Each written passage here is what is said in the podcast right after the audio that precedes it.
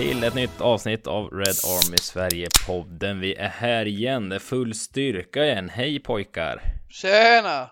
Hej! Hej! Pojkar, säger jag. Jag är fan pojkar. yngst, insåg jag precis. Eller Hej insåg. pojkar! Det är du som är valpen här. Det är jag som är valpen.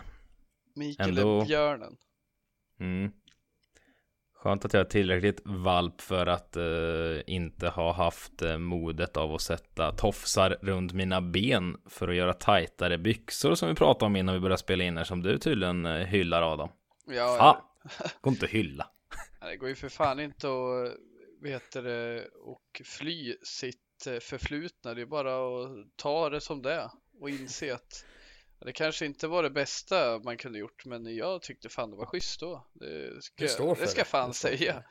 Det gjorde jag ju liksom. Jag var inte så stark då så jag skulle ha eh, bara dissat den eh, kulturen som präglade socknet jag bodde i då. Det ska sägas. Eh, men Ja, Emil, kan du kan ju berätta lite det mer om i- dina stilresor du hade i Linköping på Jävla- 00-talet. Jag är så beige sådär, jag har inte haft några resor känner jag. Men alltså, Ja, du körde- Ruff och tuff tröja. Wu-Tang hoodie hade man ju, som var alldeles för stor. Mm. Hade ni sådana? Nej. Och, Nej. och du hoppade på mig som hade runt anklarna de här snoddarna liksom. Wu-Tang, vadå? Körde du Niggas with attitude i, telefo- i stereon också eller? Nej. Nej men, Fuck the police kan- liksom. Eller? ja, den, den auran hade man som ung, herregud. Nu ska jag säga att jag Jag gillar ju- NWA, men jag gick fan inte runt i en Wu-Tang hoodie. Då, då är jag fan att jag är närmare till de här snoddarna. Det var ju bara en viss typ av personer som gjorde det. Nej. Jo, det gjorde man inte Emil, det gjorde man Ja, inte. men, Nej. men nu pratar vi alltså, jag var kanske 8-9 när jag Ja, hade en okej, sån jag eh, tänkte hoodie. väl. Ja, så det var inte så att jag Ja. var 15 och Jag- liksom jag körde ju-. Och jag var inte körde nio ju- år när jag gick runt med de här snoddarna, jag var väl 13-14. 15, 14. Ja, Mm. Jag, körde, jag körde ju Champion-tröja och mittbena. Typ som Som nu. de som går i åttan gör Ja, nu exakt. Fan. Ja. Det är kul, modet kommer tillbaks. Ja men folk får ju se ut hur de vill, det är jag ganska öppen för men eh, Får de det? Nej men det här med tofsar runt benen alltså Där någonstans borde vi sätta upp regler för hur fan det får gå till alltså Det, det går ju inte att, Det går inte att ta i försvar alltså Det är som dina fyllebilder i gruppchatten. Nej men det är inte hur mår du Emil? Du har varit hängig idag, berätta för oss. Ja det har jag varit Tio på morgonen kommer det någon jävla tjeckisk ölbild. Ja men det var ju inte idag Hängig, är man inte när man är typ åtta år och har Wu-Tang-tröja förresten? Man är väl typ Ja, sjuk när man är hängig. vuxen. vuxen. Hängig kropp. Det sitter i Ja men sjuk då, men sjuk känns så eh, Det känns så ömkande att säga att man är sjuk eller Hej Adam, är Lionel hemma? Nej, han är hängig. Jag är sjuk, men Lionel är hängig. Och sen är min kompis på Red Army Sverige, han är också hängig. Så det är inget fel i det. Men det är lite åtta år, är det. Finns det någon definitionsskillnad på de två orden eller Nej men så jag har ingen Micke, du är kompis lärare. som säger att den är hängig. Jag kan inte är supa ikväll för jag är hängig. Är man sjuk så är man sjuk, är man hängig så är man hängig. Ja, och när Vad är man skillnaden hänger då? inte är sjuk? hängig, Ja, vad är är han då? skillnaden? Är han en tratt Um, bara?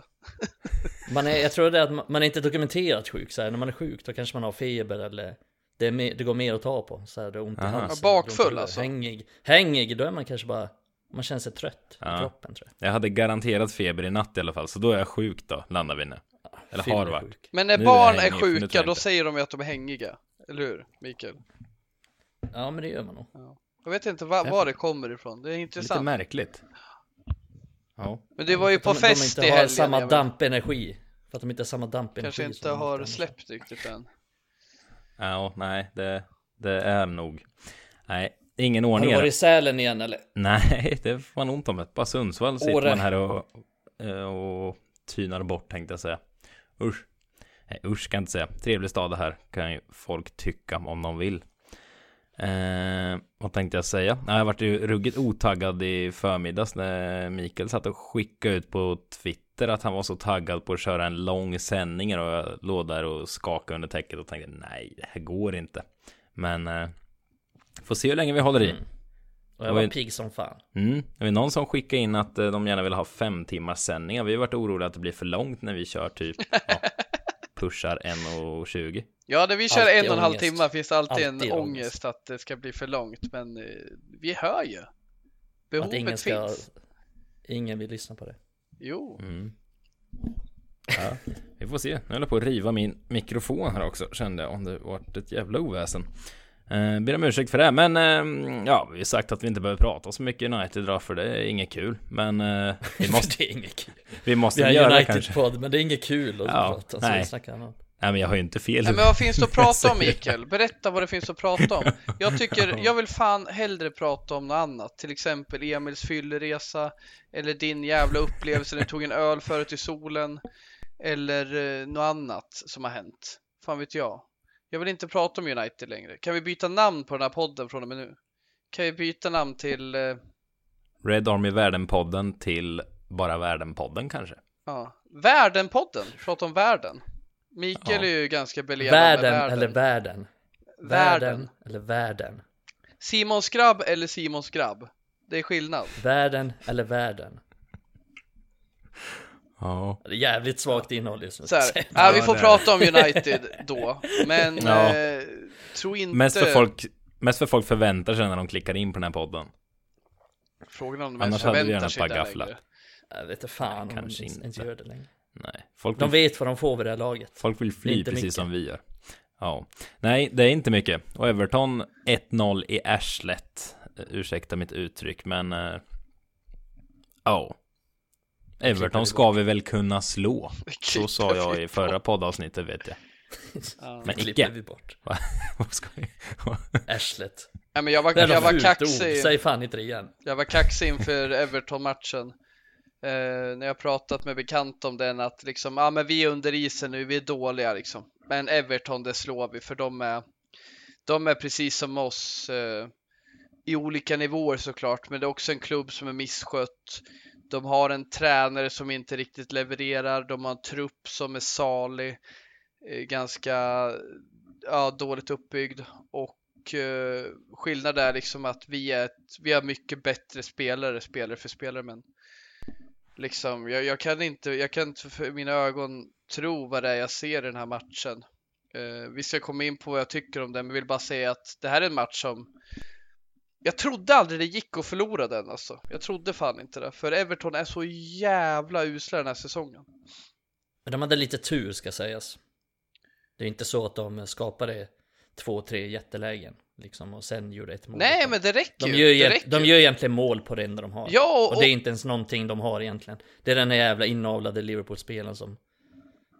Liverpool-killen Men vi förlorar ändå. Vi, vi har tur, men vi gör ju inte, vi skapar ju för fan ingenting. Vi har ju bara massa jävla halvchanser. Vi har någon där Nej, vi Pick- skapar ingenting. Pickford får sträcka ut sig. Men i övrigt Nej. så liksom, vi har ju vi, vi skapar ju ingenting, så det, är- det, är- du har rätt Mikael, de skapar inte mycket, men tillräckligt för att vinna med 1-0. Det ska ju Det är 0-0 minst match. bli 0-0 eller 1-1 liksom i matchen, men det är ju så jävla dåligt. Och, och liksom, ska vi snacka nu om att det finns matematisk chans? Det är bara att glömma den jävla skiten och se framåt och till nästa säsong och hur vi kan bereda för den.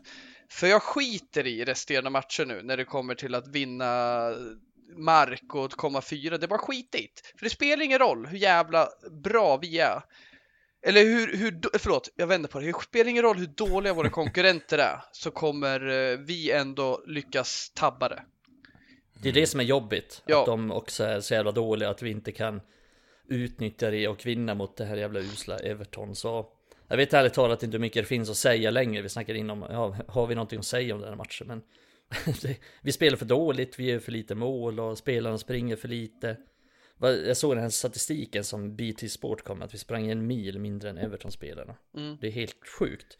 Och, och det är ju fortfarande så att vi, vi har inget tydligt grundsystem eller någon idé. Och sen är det, ja men vi lyckas alltid göra något misstag bakåt som, som resulterar att vi släpper in åtminstone ett mål och samtidigt som alla spelare underpresterar förutom egentligen de Gea och kanske Fred.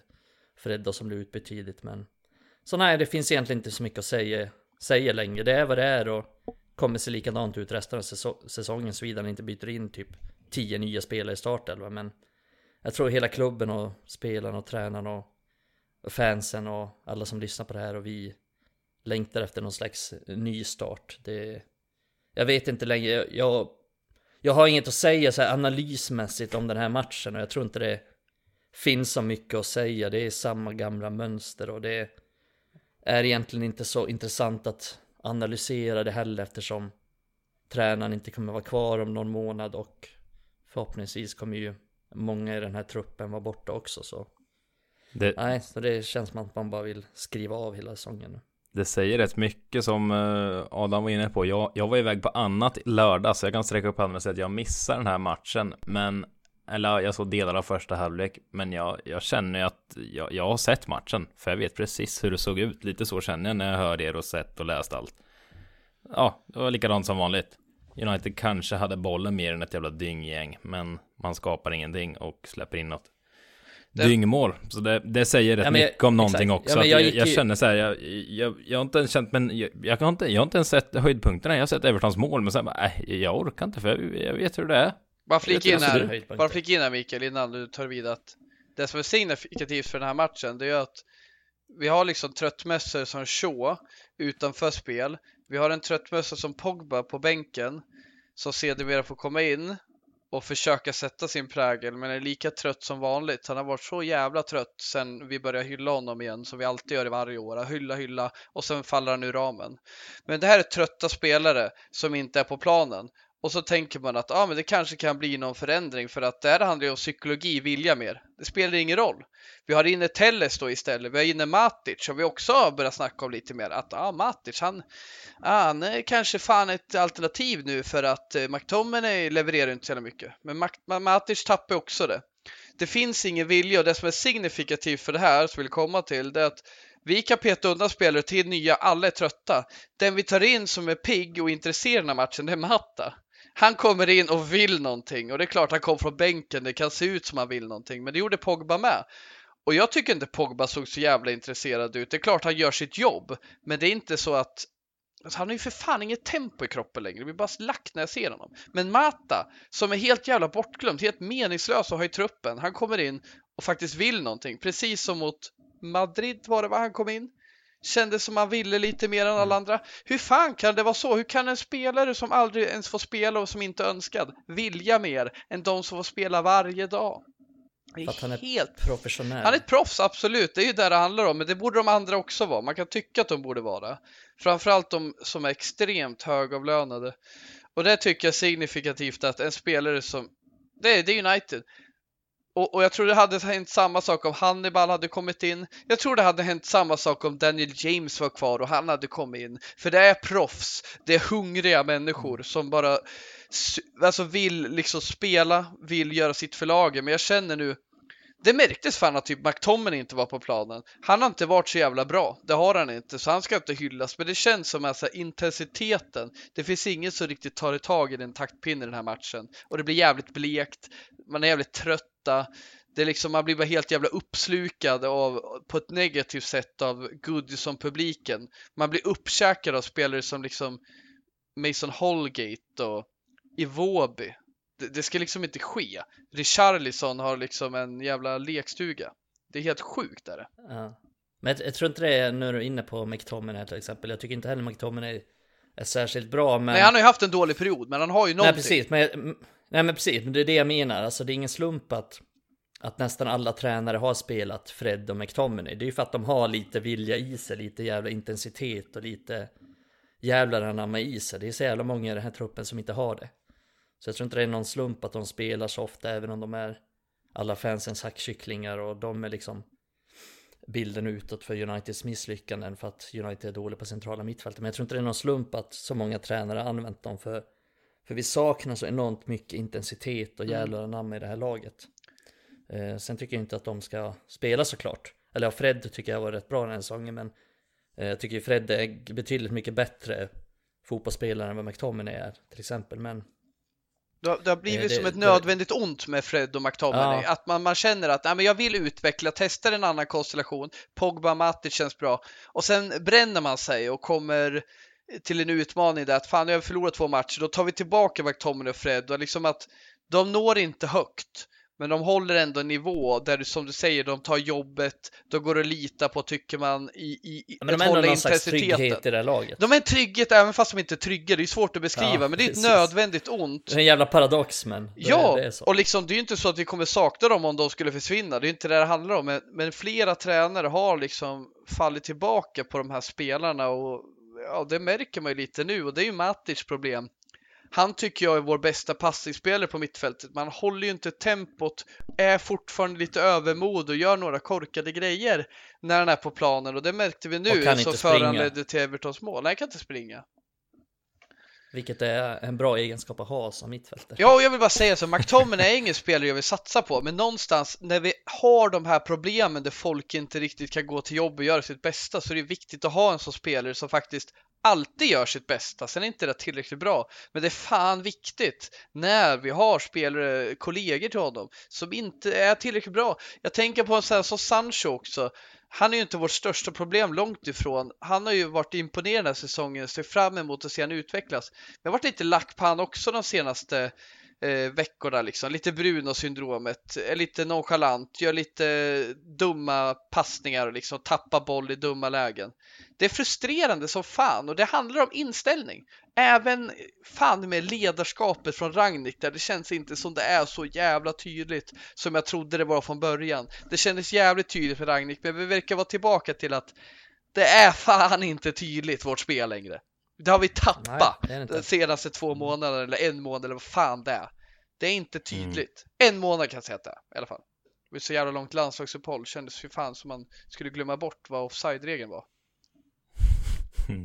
Gary Neville tycker jag ändå sammanfattar det hyfsat bra efter matchen. Han sa att när jag tittar på City och Liverpool ser jag inga spelare med överblåsta egon. Jag ser ödmjuka fotbollsspelare. De vet att laget kommer först. Det är inte den enda United-spelare som går in i något av lagen.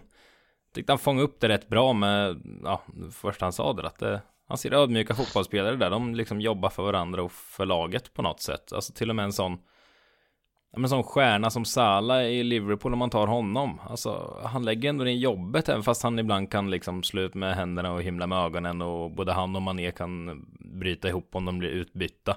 Men sen när de väl är på planen där så jobbar de för laget och liksom Alltså det hade de två spelat United istället hade de varit lika bedrövliga som United-laget är nu. Det är något Alltså Det- det är något kanske. som är så fel. Jag, eller något, det är mycket som är så fel. Men jag, jag tror verkligen, tror ni att Salah om han hade spelat i United de sista två åren här nu. Tror ni att han hade varit lika pigg och sprungit och jagat arslet ur sig som han gör i Liverpool?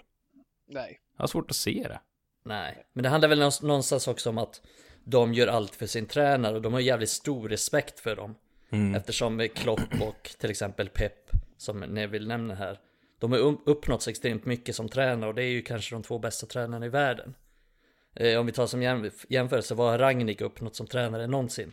Vad har Solskjaer uppnått? Mm. Man får någonstans väga in det också i det hela. Och här kommer ju det tror inte- professionella in också, som vi var inne på. Mata går ju ändå in och gör Mm. så gott han bara kan. Det är väl Ja, men det är också svårt att göra det ett...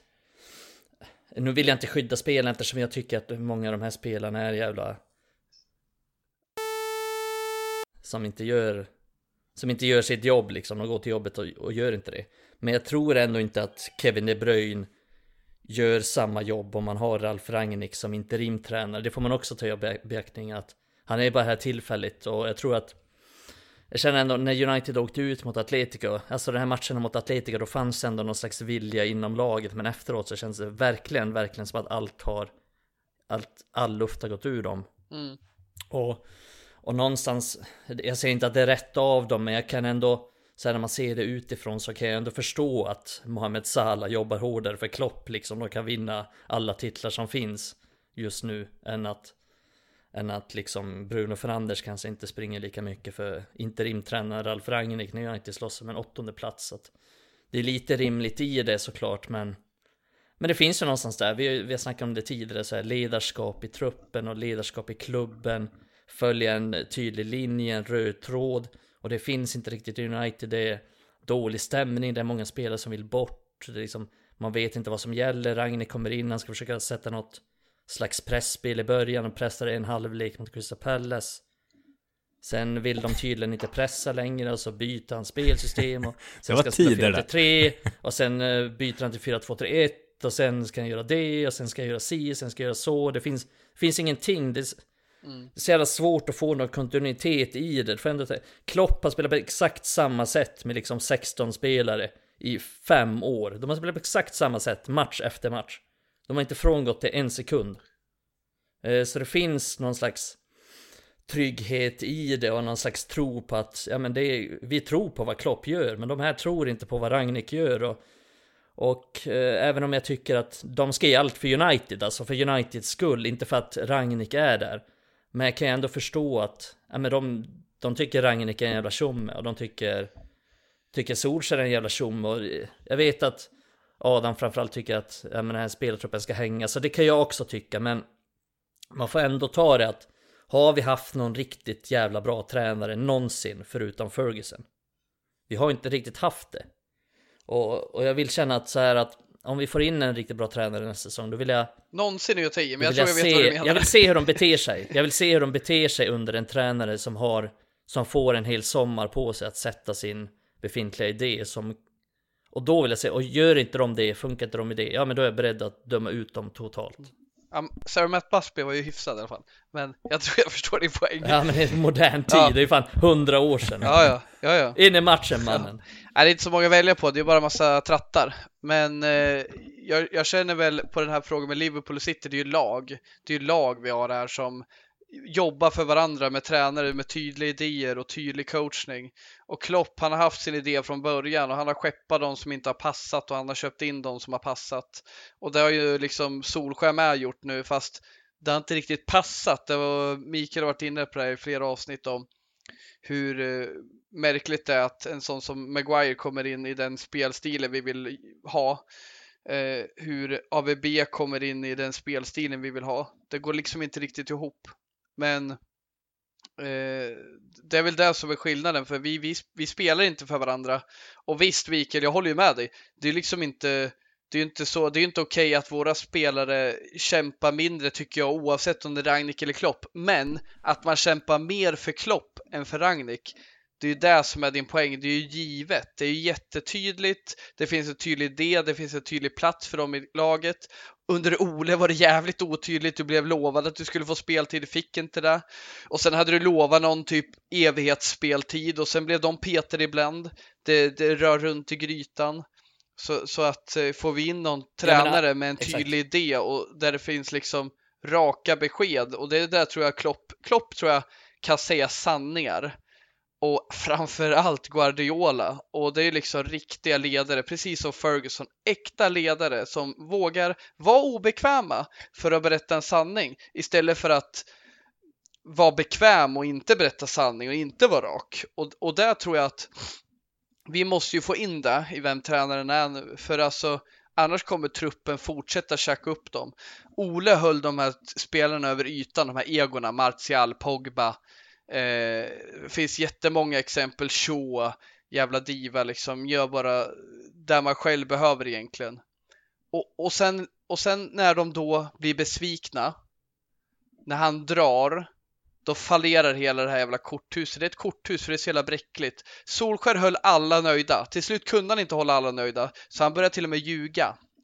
Och när då folk inser det, spelare som Bajy ska få speltid, Lingard ska få speltid, nyckelspelare som inte får speltid också för att det börjar gå dåligt, börjar peta. Man har spelare som Donny som ska sätta en plan runt. Det blir sån jävla besvikelse och där tror jag med att Klopp och Guardiola är raka och ärliga. Obekväma, Och de- men riktigt jävla starka i sitt ledarskap. Och det är där vi saknar den här truppen så länge. Och det ser vi resultat av nu. Och nu får det fan vara nog. Jag tror faktiskt vi kommer behöva rensa ut alla de här gamla spelarna som är förgiftade av det här. Och några kommer per automatik försvinna i eh, sommar.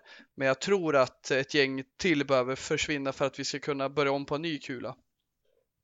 Ja, men det, det är också någonstans där att ta de spelarna som Klopp har, de, alltså alla de 11, 12, 13, 14, 15 som får speltid, de passar ju perfekt in i hans sätt att spela.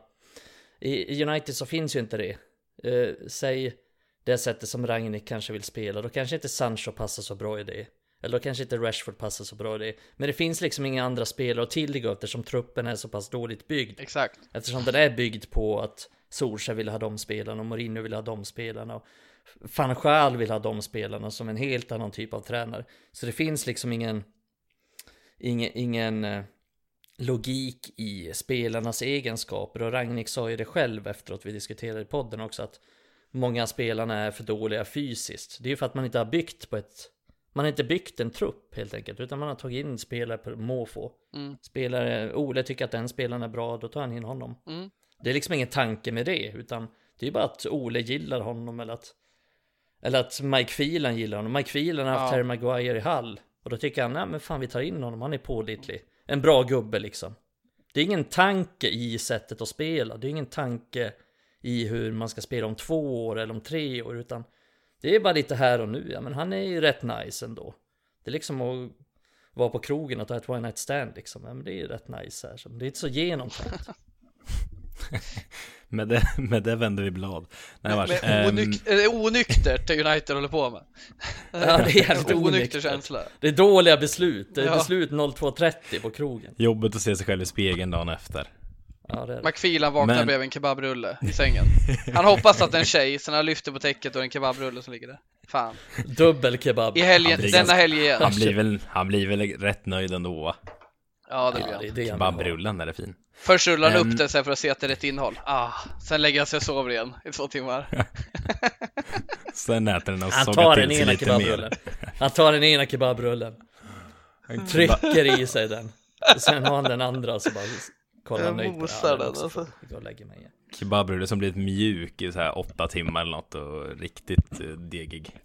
Han sover, han har så här vit skjorta som han sover med. Så han Och toppluva. liksom så här. Det är så jävla kul Mikael med filen, för du är alltid så jävla lack på filen. Du är alltid så lack på McKenna när vi snackar om vårt gamla sopgäng till eh, tränare vi har.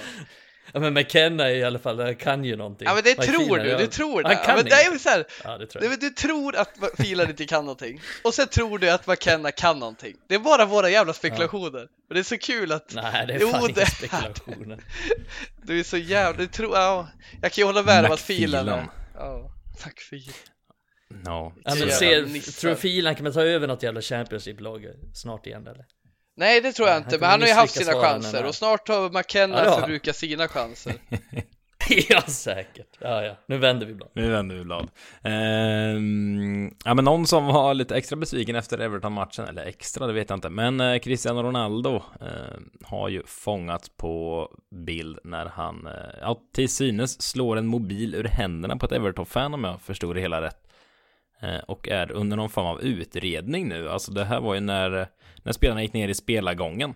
Eh, och ja, det säger väl rätt mycket om någonting också, att det är irriterad, det är väl rimligt att vara irriterad i och för sig efter 0-1 mot Everton, men oh, hade det varit en engångsförlust så tror jag inte man hade varit så här förbannad och irriterad bara utan anledning. Det känns som det är mycket som ligger och gror hos många spelare, kanske framförallt hos Ronaldo som återvänder till Old Trafford och möts av, av det här. Men har ni fattat vad han anmäld? Vad, jag har inte fattat riktigt. Vad, Nej, du, du fattar inte så mycket. Nej, det sträcker jag upp handen och säger. Men vad, vad är de utreder honom för? Ja men FA utreder väl allting för fan. De Ja. utreder ju till att Kommer du ihåg när Cavani skrev typ My Negro till någon på Just det, det Insta var, liksom, det till sin grejen. privata Insta till någon kompis. Han blev väl avstängd? Han blev avstängd också för det. liksom. Otroligt. Nej men så, nej, jag vet inte riktigt vad de utreder men Han slog väl sönder någon jävla unges telefon och jag kan väl känna att Ja, det är lite dumt kanske, kände jag. Ja det är lite dumt så här, så. men det Men det är någonstans Ja man hoppas ju att Någonstans han har sagt något riktigt dumt så man fattar varför men han gör någonstans det. är det väl inte hela världen. Det är Ja men jättekonstigt. Ronaldo är väl Ja men Ronaldo är väl. Alltså jävla vidrigt beteende. Jag hoppas bara att han har barn, sagt liksom. något dumt så att det finns en, en förklaring. Men att slå en jävla telefon ur en unges hand, det känns så jävla fan vad man är nere i sandlådan och gräver då. Ja, jävla- han bad ju om ursäkt på sin Instagram så att det är väl Han har gjort det? Ja, det har jag missat. Men då så. Ja, men då, då, har jag- så, då har jag ju tagit ansvar i alla fall. Alla Ja. kan vi få hjärnsläpp ibland, men då fattar jag. Jag, jag Jag tror Bad om det... ursäkt för insatsen samtidigt, eh, så, så det känns bra. Nu kommer United tror jag mot topp 4. Jaha, jag trodde du Ja, men menade kul, för insatsen, in du menar för telefonen. Jag trodde det var insatsen han om ursäkt för. Jag skojar. Va? Jag skojar, Va? driver bara. Nej men jag, du bröts typ så jag hörde inte du sa. Ja, nej jag Men- skojade, försökte vara rolig och säga att jag trodde det var insatsen han bad om ursäkt för. Ja, men då. Den borde han ju bett om ursäkt för hundra gånger. Ja, han borde sluta be om ursäkt för den. Jag vet inte om han gör det. Jag, det är inte så att jag följer honom på sociala medier. Nej, inte jag Men, heller. men eh, jag kan inte tänka mig något mer ointressant än att följa Cristiano Ronaldo på sociala medier. Nej men Inget- det gör ju Rasmus Ivarsson gör det. specifikt. Han uppdaterar ju varje gång Ja. han bastar typ. Så det, vi behöver ju inte för... Rasmus och... Den uppdateringen uppskattar jag dock. Ja, det är jag med. Ronaldo går in i bastun. Det är Ja. såhär Rasmus out of context. Det är ingen kommentar till det, bara screenshot på när Ronaldo går in i bastun. Ja. Vad skulle det landa i Mikael? Att han Nej, bjöd in ungen, jag eller vad sa du? inte. Ja men han bjöd in ungen till Old Trafford tydligen. Tackade han Som nej? att den här, ja, men som att den här ungen inte har fått straff nog liksom, telefonen sönder och alla bilder borta liksom. Och ska han tvingas få gå till Old Trafford också och se United. Ja, Så det kan man tycka vad man vill om men. Ja. Eh, nej men tydligen så bad han om ursäkt och eh, skulle bjuda in honom till Old Trafford och ja, det är väl Mm. något slags plåster på sår. Jag kan väl tycka att ja, det är klart det är grisigt gjort liksom att slå en uh, unges telefon från handen så här, men det är väl ändå inte hela världen liksom. Det, Nej, men, han, han har gjort värre saker, det kan jag säga. nej men alla får vi hjärnsläpp ibland, mer eller mindre. Och så det tycker jag, ber om ursäkt och gör sitt. Det där, grejen är att hade du gjort det Mikael, då hade jag inte tyckt det var lika illa faktiskt. Men när det är sånt här rikt jävla svin Mm. som eh, tror han kan göra hur han vill, det blir jag lite förbannad på. Sen tycker jag om när folk Mm. är rika, att man bygger sina egna rikedomar, det är inte med den saken att göra. Men det känns lite så här, i hans jävla status och pissa på en unge sådär, det tycker jag är dåligt. Men han ber om ursäkt, skitbra. Mm. Nu går vi vidare liksom. Mm. Ja, och det gör vi också. Sa jag ja. Nej, ja, vi ska inte gå vidare, vi ska grotta in djupare. Vad är det för plats han fick? Var det en säsongsbiljettsplats han fick? Eller Vad är det för telefon? får han mat hade- och logi? Eller får han gå från Everton? Är det så här, du får en biljett men du måste ta dig hit själv? Han bara, mina Han föräldrar har inte korv. körkort. Ja men det går buss. Får en sån Han får, dygnsbiljett han får han måste hem. på Old Trafford. Ja. Så här, I en torr jävla baguette. 70 spänn. Det är, den får han betala själv. då. Ja, ja, Men det, det, sa, det säger en del om Ronaldo också. Det, det var ju också under förra veckan va, när Rooney hade kri- kritiserat honom lite. Eh, fina Win Rooney då, jag gillar när på tal om sandlåda. Ja, men gillar när han, Han är så jävla tönt alltså. Fy fan så Rooney eller, ja, eller va? Ronaldo Men menar du? Ja, exakt. Liksom, Rooney, att han inte kan ta det. ja, men Rooney kritiserade ju Ronaldo. I, ingen hästkritisering, men lite grann så. Och eh, då går ju Ronaldo in på Rooneys Instagram var det va? Och kommenterar någonting att det var två avundsjuka rackare som satt i studion. Alltså, öh, gud vad trött jag blir. Det är så fånigt. Och sen en blinkgubbe som att han bara skojar lite, men man vet att han är butthurt som Ja, Ja, där har vi en med stukat självförtroende Ah, som vi ser. det är alltså. Ja. Fan, nej det där... eh, Men förstå Emil, Men han är ju van vid att vara har bra- världens bästa vänta, spelare. Nu ska jag säga något djupt där. Men det är en sån Han person har- som hade tofsar runt benen. Ja det hade han definitivt. Tofs i håret då. Han har bra självförtroende men dålig självkänsla. Oh. Och nu ska jag också säga Ja. något djupt. Ronaldo, ett tips till dig. When they go low, you go high. Ja men det, det gjorde ju Rooney verkligen. Han fick ju frågan om det på presskonferensen sen inför Derbys match. Mm. Och då sa han ju, "Ja, fan det är klart jag är avundsjuk på honom. Ja, Liksom, ma- magrutor och världens bästa spelare genom alla tider liksom. Och, och så han tog det jävligt bra. Fy fan vad jag älskar Rooney Rooney, så jävla starkt av honom liksom. Fan vad mogen, Ja. fan vad mogen han har blivit. Ja, Jag har ja. sett en Han, dokumentär han va? kändes ju alltid som en sån här... Ja, men Han, han kunde ju också göra en sån här sak. Ja. Som Ronaldo gjorde, slå telefonen. Men Ja, det så känns ja. inte som att han skulle kunna göra det längre. Och han hade aldrig skrivit sådär att det var Nej, någon han känns väldigt balanserad nu. Ja, ja, men slå ur händerna så där kan jag ta att någon gör någonsin någon gång. Det är ju inte rätt såklart, men visst. Men gå in på någons Instagram sådär för man är lite butthurt. Herregud, du är rikast i världen, bäst i världen, snyggast i världen. Alltså, sluta. Någon kritiserar dig, ta det. Måste du gå in och, ah, alltså det är så lågt. Men det är en med riktigt stukat det, alltså. självförtroende. Det där hade han aldrig gjort för tre år sedan. Ja, Jag tror inte det. Självkänsla som eh, Mikael är inne på Ja, där. Det var bästa du sagt någonsin. Kan bli... Ja, det Eh, är fan det enda bra jag det är för långt, annars hade det blivit avsnittsnamnet idag. Bra självförtroende, Ja, det är dålig bra uttryck, självkänsla. absolut. Ja, det kan bli en tatuering här i, efter, i eftermiddag ikväll. Ja. Eh, ja, eh, vi, vi ska... Men du har ju bra självkänsla Emil, du har ju dåligt självförtroende. Så du är så här, dåligt självförtroende men bra självkänsla. Det är så jävla så här, det är så jävla kaxigt. Här du mig Emil, jag har grym självkänsla, Men jag har lågt självförtroende, så var snäll mot mig. Men jag vet att jag är bäst. Fast egentligen inte. Jo men det har du Emil. Jag tror fan, du är en av dem Ja. jag träffar som jag tror har bäst självkänsla. Jag tror du, du är som en jävla gås är du. Det bara rinner om dig när du får så här kritik eller om någon säger något. Du, du, liksom, är kul du går inte in på folk, du går inte in på min Instagram och skriver till Mikaela att Adam är egentligen en idiot. Nej, fy fan. Det, Det är kul för Emil skrev ju tidigare att alla måste älska honom, annars mår han dåligt. Nej, inte riktigt så långt tror jag, tror jag inte, tror jag. Nej men Emil, det, Mikael det stämmer väl inte? Har jag sagt det? Jo, det gör För det är fan Nej. inte självkänsligt. Nej men det var ju no det var någon som skrev och skojade om att eh, man måste bli omtyckt. Eller att man, eh, hur fan var det? Att man inte behöver vara omtyckt av alla något. Då sa jag att det där är en myt, man vill ju vara omtyckt. Självklart Typ. vill Ja, man du vara skrev det. att du... Ja. Det är väl det Att hela jag jävla sociala medier och allt du är uppbyggt på. Att man, man, vill att, man vill att det man gör bra ska uppmärksammas. Precis som barnen men är så det här, pappa, pappa, verkligen i." pappa, kolla här. Kolla, jag har minat Ja. på Minecraft. Ja men vad kul, snyggt. Fortsätt. Och sen Ja, men sånt vidare. skiter jag verkligen i. Sånt skiter jag verkligen i. Jag lägger ju aldrig någonsin upp något på sociala medier typ. För det tycker jag bara är en jäkla fasad som folk målar upp. Men så här i, i, i Men du kanske gör det i, i, i eller real life då, istället. Ja, i en real life, alltså i en klass eller i ett lag eller så, då har jag nog alltid eh, velat vara omtyckt så. Men inte... Ah, nej, inte annars. Men det är klart man vill vara omtyckt av så Men är det någon skillnad Emil? Är det någon skillnad att göra det på sociala medier än, än på i verkliga livet? Egentligen? Ja... Ja, om vi ja, säger så här, om jag visar upp dig en bild på den här saken målade jag idag in real life eller på Twitter säger vi. Vad är skillnaden? Ja, men det är ju skryt. Men det skulle jag aldrig göra i verkligheten heller. Om jag kunde måla skulle jag inte komma Åh, kolla här Adam vad jag har gjort. Alltså, Nej, men du kanske vill göra. visa för Hanna att du kan jonglera eller någonting. Ja, jag kan faktiskt jonglera. Det kan jag se. Det kan jag se att han, kan, att han gör också. ja, det är fan möjligt.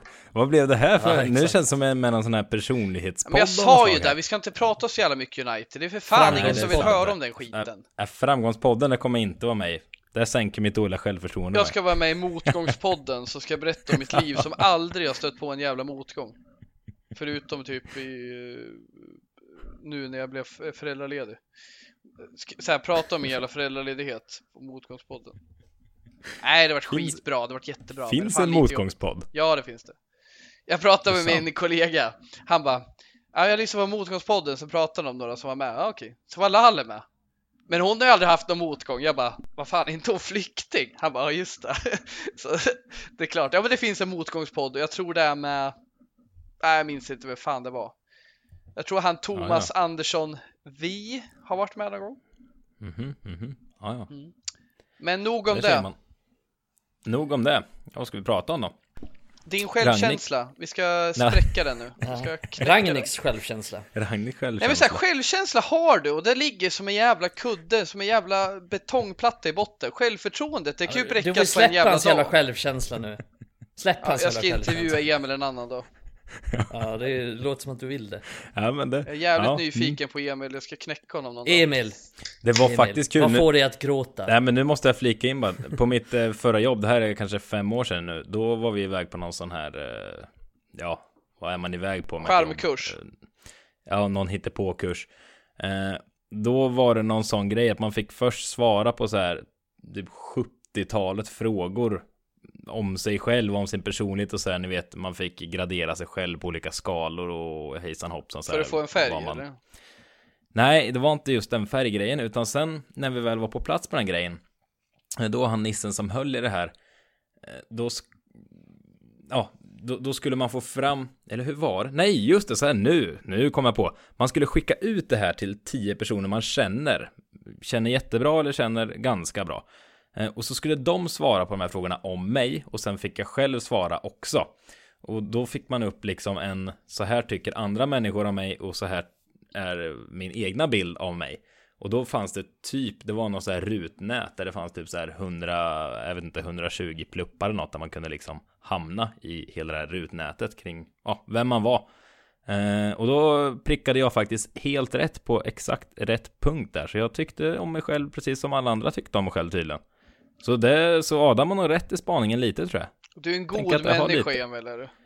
Ja, det vet i fan om jag. Eh, jag håller ju på United så Då blir man inte så god människa kände jag. Man går runt och ömkar sig. Men, eh, Världens finaste lag ju. mm, det är det oftast. Ja. Och snart får vi ny tränare igen. Tycker vi om det då? Är ni nöjda med Ragniks tid? Fan vad skevt det Ja. känns att prata om Ragnik ändå. Jag var fan, jag kan säga så här. Jag Vem kan säga så här, vi får utvärdera Ragniks tid. Eh, först och främst i höst. Jag ska komma till varför. Och sen även om tre år. För jag tror, ja men år? lyssna nu, lyssna nu. Jag tror att Ragnik, jag ska börja med positiva och sen ska vi gå in på det negativa med Ragnik. Men jag tror faktiskt att han har kommit in nu med inställningen att syna den här gruppen och ge ett underlag till nästkommande tränare om man det är till sig själv eller till nästa tränare. Och han har faktiskt redan gjort det. Han har skickat ut folk på lån. En sån som Martial har varit svår. Blir av med han, det vet vi inte. Men vi har börjat ta steg. Jag tror att om tre år ser vi det han har gjort den här, den här tiden. Om han har liksom skapkrattat manegen för en bättre framtid. Så det är svårt att säga där, men jag tror han gör ett bra jobb där. Men taktiskt, med toppen, även svårt att se nu, men taktiskt och på spelplanen, undermåligt. Det kändes bra i början, men det har inte varit bra. Det har fan med gått tillbaka till att han nästan, lite som Mikael var inne på förut, det funkar inte med pressspel, vi går tillbaka. Så det är liksom, vi är tillbaka till den, det här spelarna är vana vid och det är Solskärs fotboll och den är dålig. För även fast vi spelar Solskärs fotboll, vilket det typ är nu, känner jag, det är bräcklig defensiv, eh, rätt eh, fantasilös offensiv. Skillnaden är ju fan att vi har Bruno som inte levererar på den nivå man önskar. Vi har en anfallare som inte levererar som det ska. Det har ändå gjort under Solskär tycker jag ändå offensiven har funkat hyfsat bra. Eh, men att eh, Ragnik, jag känner det. Kan han nu liksom börja peta ut de här spelarna och, och ge underlag till styrelsen och nästa tränare att vilka de ska ta ut ur klubben och vilka de ska ta in sedermera. Så tror jag det inte gav någon slags eh, nytta när han kom in. Men det är svårt att ta in nu att man säger för allt känns ju jävligt negativt. Vi har ju fan stagnerat under honom för vi hade en topp när han kom in tycker jag som bara fallit. Men han, och så har jag tänkt så här, men samtidigt, han har haft en jävla grisig trupp som inte vill vara kvar och som är pissiga. Ja, men det hade Solsjö med när han tog över som interim. Han hade också en pissig trupp som fortsatt varit pissig om inte Solsjö levererat, men Solsjö fick in hoppet i klubben under sina första månader.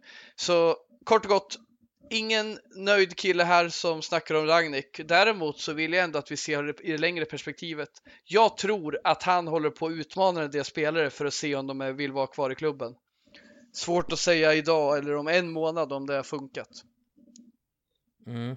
Ja, men jag tycker det är en ganska bra sammanfattning. Jag tror också att han har att han har liksom fått en bra bild av truppen och det tror jag är viktigt i hans, i hans roll som, som konsult sen att han har, han, har en, ganska- han har en extremt bra bild av vilka spelare som har det som krävs och vilka som inte har. Eh, Men liksom så här, hans tid som tränare, ja, jag, jag tycker han är en ganska medioker tränare. Eh, Och det bekräftar ju hans karriär egentligen också, men Samtidigt har han ju kommit in i ett jävligt svårt läge med missnöjd trupp och underpresterande spelare. Jag tycker ju att när eh, Solskjaer kom in att det var ett bättre läge egentligen för att då hade ju någonstans Mourinho kört dem i botten vad gäller liksom så här måendet. Alltså de mådde ju inte bra. Men de kunde ju fortfarande spela fotboll. Så att Solskjaer fick ju upp glädjen och kunde få dem att börja spela fotboll. Men Rangnick när han kom in då har liksom, det har gått så pass många år. Det har varit Mourinho, det har varit Solskjaer, det har varit negativitet hela tiden och det har varit dåligt och det var extremt liksom toxisk, toxic på, på slutet med Solskjaer. Så jag tror att det var ännu svårare för Ragnik nu. Plus att Solskjaer hade så pass stor trupp som gjorde att många bra spelare var missnöjda till exempel. Martial, Dean Henderson, den typen av spelare som känner att de verkligen, de ska spela men de får knappt plats i truppen. Eh, sen, ja, han försökte få in sitt pressspel då inledningsvis, men det, men det tog han ju bort ganska snabbt och jag tror han haft det svårt. Jag, tror- jag tror han blev lite chockad över exakt hur svårt det har varit. Jag tror han trodde att det skulle gå bättre. Han har ju Eh, inte så fått jag- spelarna att spela för honom liksom. Nej. Det kändes så Nej, första han matcherna, inte. men det är ju bara Nej precis. Han har haft det tufft och exakt, jag upplever inte att spelarna har särskilt stor respekt för honom helt enkelt. Eh, han, han, han snackar ju bra liksom, han säger rätt saker och han säger bra saker men jag tycker inte att han har utvecklat någon spel, alltså har någon spelare blivit bättre under honom? Det är väl Fred egentligen. Men annars har ju ingen spelare blivit bättre under honom direkt. Eh, så jag, jag är svårt, han har inte utvecklat någon individ, han har inte utvecklat laget direkt. Visst, han, han har gjort laget lite mer kompakt, han har stoppat blödningen någonstans. Det, alltså han har ju typ, ja men han har gett laget smärtstillande mot huvudvärk men inte riktigt botat sjukdomen som vi haft. Så, och på så sätt så har han väl gjort det okej okay, liksom.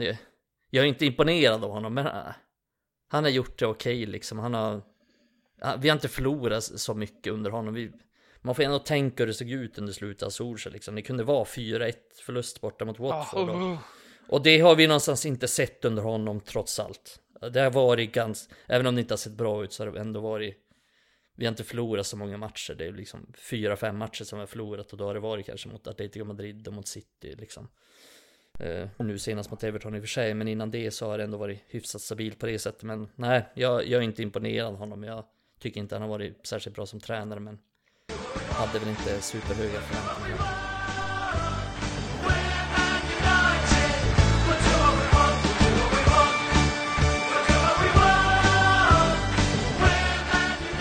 Ja, Micke, du lyfte ju faktiskt Fred här en kortis förut, att det är den enda som har eh, lyft under eh, Ragnik. Ja, något form av lyft i alla fall kanske. Är det säsongens spelare för det också nu när vi närmar oss? Nej, det skulle jag nog säga att det sker är, men om vi bara pratar utespelare så skulle jag fan med säga Fred tror jag. Mm. Adam, har du något motbud? Vad säger ni? Nej, tyvärr. Det är ju de Gea som är eller säsongens spelare och det är ju aldrig bra liksom. Tyvärr. Nej, Nej det... vi, vi, har ju aldrig varit bra när han har vunnit. För han har ju vunnit den flera gånger. Ja. Och vi har aldrig varit bra då. Det är ju det är inget sundhetstecken, men han är ju absolut vår bästa spelare. Han är ju den som oavsett egentligen hur dålig vi är så gör han något bra varje match och han har haft en riktigt bra säsong. Mm. Jag satt här och letade motbud i huvudet men jag eh, kommer inte på några ärligt talat. Tycker inte Fred varit jättebra den här säsongen heller men han har ändå visat någonting tycker jag väl. Men eh, nej. Nej men sluta. Nej, det, vi kan inte prata mer säsongens spelare för det går inte att säga något annat. Nej, det är så enkelt nej. den här säsongen. Alltså. nej, det finns inte så mycket att diskutera. Faktiskt. Nej, precis. Eh, om vi blickar framåt lite till. Eh, vi möter ett till dynggäng till helgen. Då har vi Norwich hemma på lördag klockan 16. Får, ni får vi fira påsk med att kolla på United. Mm. Nu kan vi väl inte förlora eller? det här ska ju vara lättaste matchen på säsongen. Typ. Ja, men, ja men det är nu Säg, säg inte det. Det är, nu ingen... det är Norwich lättaste match för säsongen. Det är nu folk har slutat bry sig och det är nu man inte vågar ta ut en seger i förskott och det är då såklart vi kommer vinna. Ja, vi kommer vinna oavsett om jag vill säga nej. lyckas vara ibland. Ja, men hemma mot Norwich, vi kommer vinna. Men... Ja, men de kommer ju... Nej, jag är inte ja, övertygad. De kommer ju slåss med näbbar och klor alltså. Timo Pucker ja. rinner igenom tre gånger, hattrick. Så jävla dåliga är inte de liksom jo, spelmässigt. De, är de, de kan lätt... Nej, Jo men lyssna, Skärp de är inte dåliga spelmässigt. De ligger botten av tabellen. Sen visst, vi är kissiga, men vi ska vinna mot dem. Lätt. Ja, men lyssna på vad jag säger nu, Adam Stenberg. vad heter du i andra namn? Åke Ture. Nej. Nej, förlåt. Ture Åke heter jag. Ture Åke Adam Stenberg, lyssna på mig nu. Googla mig för fan som alla andra gör. Världsklassnamn. Ture Åke Adam Stenberg, lyssna på mig nu. Mot Burnley, då hade det kunnat bli 0-0. Ja. Eller hur? Ja. Det hade kunnat bli 0 och Burnley deffar hela matchen. Men mot Norwich, de har kapacitet att kunna göra mål på United. De har kapacitet att kunna spela igenom Uniteds ihåliga lag och göra ett eller två mål. Den kapaciteten har de. Sen är det inte Norwich ett särskilt bra lag, men de har ändå en slags kreativitet i laget som gör att de kan, kan uppnå det. Men jag tror inte heller att liksom Burnley, eller Burnley, Norwich kommer vinna med 3-0 men jag tror att det kan bli lite jämnare än, än vi tror och framförallt spelmässigt. Jag tror efter en sån pissmatch. Men jag tror att United vinner i slutändan. Jag tror efter en pissmatch mot Everton så gör vi inte likadan pissmatch igen. Vi har ändå, vi har ändå spelare för att vinna mot Norwich liksom, det är jumbon. Och jag säger, jag hade, vi har spelare för att vinna mot Everton. vi har spelat för att vinna mot alla. vunnit med 3-0 mot Everton. För då kanske vi har, är några jävla tuppar och går runt och tror att vi är något. Men nu så har vi gjort oss besvikna igen och vi har ju vunnit lite varannan match så jag tror absolut, jag ser inga problem mot Norwich. Men egentligen ska jag vara negativ nu och tro att nej, men det kommer aldrig gå och sen vinner vi ändå. Det är så United ser ut. Det här är en typisk match där vi studsar tillbaka och Norwich är alldeles för dåliga. Hoppas vi aldrig ser dem i Premier League igen för de är för jävla kassa och det är liksom nu har ju ändå blivit skillnad under Smith och han har nog lite mer spelat på de resurserna han har och inte varit så naiv. Men nej, jag ser inte oss kunna förlora mot dem. Men såklart, vi har förlorat mot Watford med 4-1. Allting är möjligt, men jag, jag, jag ser inte det hända. Fy fan, 4-1 mot, mot Watford, det är helt jävla osannolikt. Fan, det, det är nog den vi har snackat om den här säsongen. Vi får nog se över vilken som är den värsta insatsen. Många har snackat om nu Everton och det är kanske den väst, värst likgiltiga insatsen någonstans. Men även Watford, ihop, glöm inte Watford hur uselt det var. Det var inte tur att de gjorde 4-1. Det var alltså ett av ligans sämsta lag, ett av de sämsta lagen vi haft i ligan de senaste åren. Underkant För Watford har varit uppe i Premier League tidigare och då har de varit ännu sämre. Eller förlåt, då har de varit bättre än det här laget. Det här är sämre än de tidigare upplagorna. De körde över oss på Vicarage Road. Det blev 4-1. Det var det, det var det värsta jag någonsin har sett. Och det var för att det var inte för att Watford är ett bättre lag, det var för att alla våra spelare ställde ut skorna och sket i De dog där, hela United dog där. Så det är absolut det värsta. Everton, ja, det var tråkigt, lite som du var inne på Mikael. Inget av lagen var nära på att göra mål egentligen, ändå gör Everton mål och vinner rättvist tycker jag. Det är det som var så Men Watford, det var så rättvist. De körde ja, över precis. oss totalt med ett gäng chipslirare, ett gäng rejects från United, ett gäng sopor som fan knappt som fan inte platsar i Premier League tycker jag. Jag tycker inte de har ett bra lag. Sissoko tycker jag kanske är någon bra lirare. Men sådana som Cathcart, upp och ner i Premier League och Championship, det är där de ska höra hemma. Men men han är inte så poppis, Cissoko i Watford. Nej, han är väl fan inte poppis någonstans tänkte jag säga. Han är ju fan, har någon någonsin tyckt om honom förutom typ i Newcastle för tio år sedan? Pochettino. Jag blir så arg när jag tänker på det. Alltså det är Watford. Ett skit Watford. Pochettino kommer till United och värvar Cissoko. Ah oh, shit. Broder Tuck. Vad illa det var. Alltså det är, folk snackar om Evertons sämsta insats. Jag såg någon som aldrig sett en sämre match på 70 år. Men vi har typ 10 sådana matcher den här säsongen som vi ska ranka. Vilken var värst mm. egentligen? Jag tycker det ser man fram emot. Men vi, vi, följer inte ihop. Vi följer inte ihop åt Everton. Nej, vi gjorde inte det. Vi var inte tillräckligt igenom... bra. Men vi föll inte Nej, ihop. det var ju bara så här rakt igenom svagt. Det hade kunnat sluta 0-0. Det hade kunnat sluta med 1-0 till United också om vi hade gjort mål på någon av de här tidiga chanserna i matchen. Men det, det, var absolut inte den värsta, men det var, den var jävligt dålig, men absolut inte värst. Solskär mm. är skyldig till de tre värsta matcherna typ jag sett i mitt liv och det är Liverpool, ja, City och Watford. Mina värsta minnen i hela, hela världen. Han är skyldig grå hårstrån, han är skyldig lögner. Hårstrån? Skilda världar. Ja, gråa hårstrån på Mikaels huvud. Jaha. Ja. Jag är inte Ni har inget hår på huvudet. Nej, så. precis. Jag har inget hår. Jag har faktiskt lite, men det... Det börjar försvinna. Det går fort. Det börjar nu. försvinna. Mm. Och grå hår i skägget då? Adam? Nej, inte än. Ibland tittar jag, men då är det något så här blont som tittar fram. Snygg. Adam kommer vara som silverräv eller bara grått skägg. Ja, men jag vill ju ha det. Gråskägget. Ja, ja, ja. jag har ju fått framåt. något grått hårstrå så här, men i skägget. Jag ville ha det så här spridda grå hårstrån. Pep Guardiola-style. Jaha, mm, grävling. Ja. På tal om klädstil. ja, men den jävla man ful som kan dyka upp i något. Herregud, han kan dyka upp i grejer. Men, men. Den jävla Puma City-tröjan. Fan vad ful den är. Oh, tack. Som han hade på mot Liverpool. Ja, jag såg den. Det stod någonting på bak. Nej, usch. Nej, mm. det, det kommer de här igen. Man får inte se ut som man vill alla gånger. Alltså det är någon måtta för det vara. Nej, inte, inte i raspodden. Nej, nej.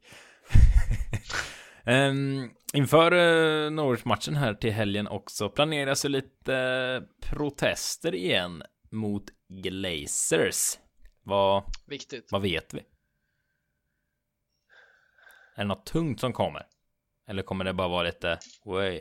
Det, det är alltid svårt att säga för att det planeras ju en del protester och det har planerats en del protester och vissa slår ganska hårt och vissa slår inte igenom alls.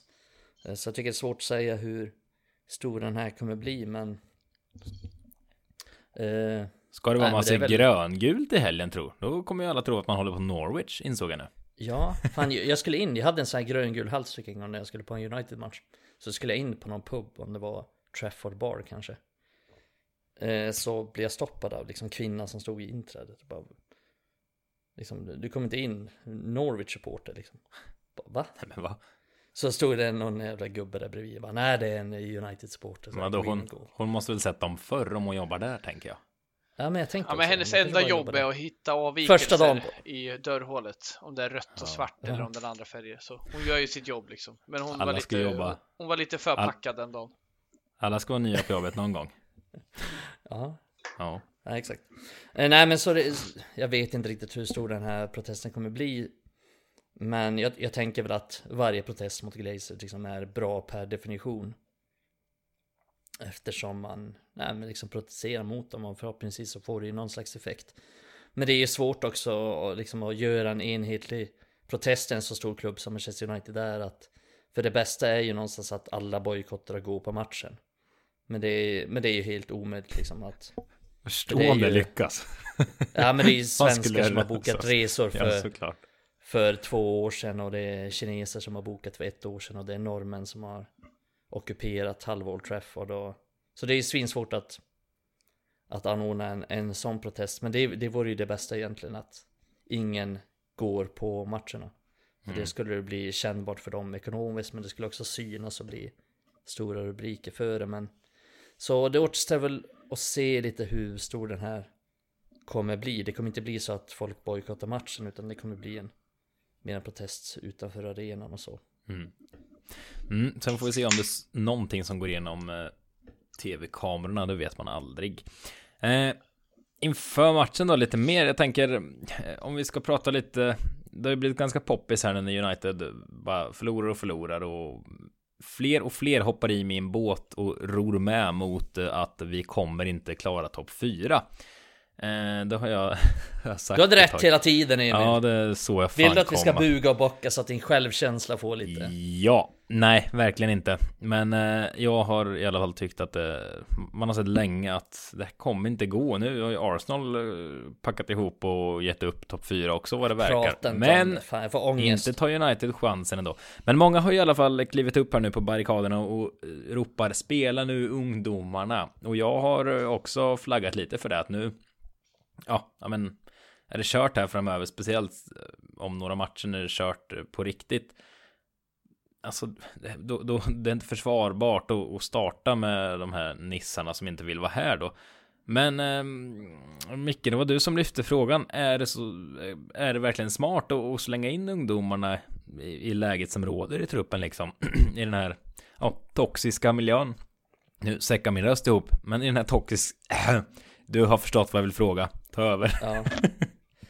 nej, men, nej, men det är en jättesvår fråga tycker jag för att det är svårt att ge något rakt svar på det. Jag tror det är väldigt individuellt och det är även svårt att säga allt för mycket om gruppdynamiken i klubben. Eh, så det är möjligt att det är, alltså jag tycker det är en befogad fråga. Alltså det är möjligt att det inte är så smart att spela dem i den här toxiska miljön.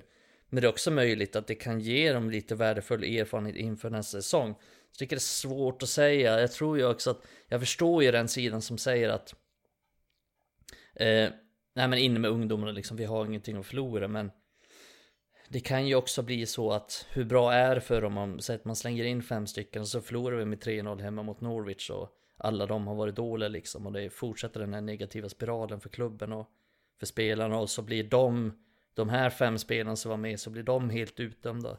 Liksom hur mycket ger det dem?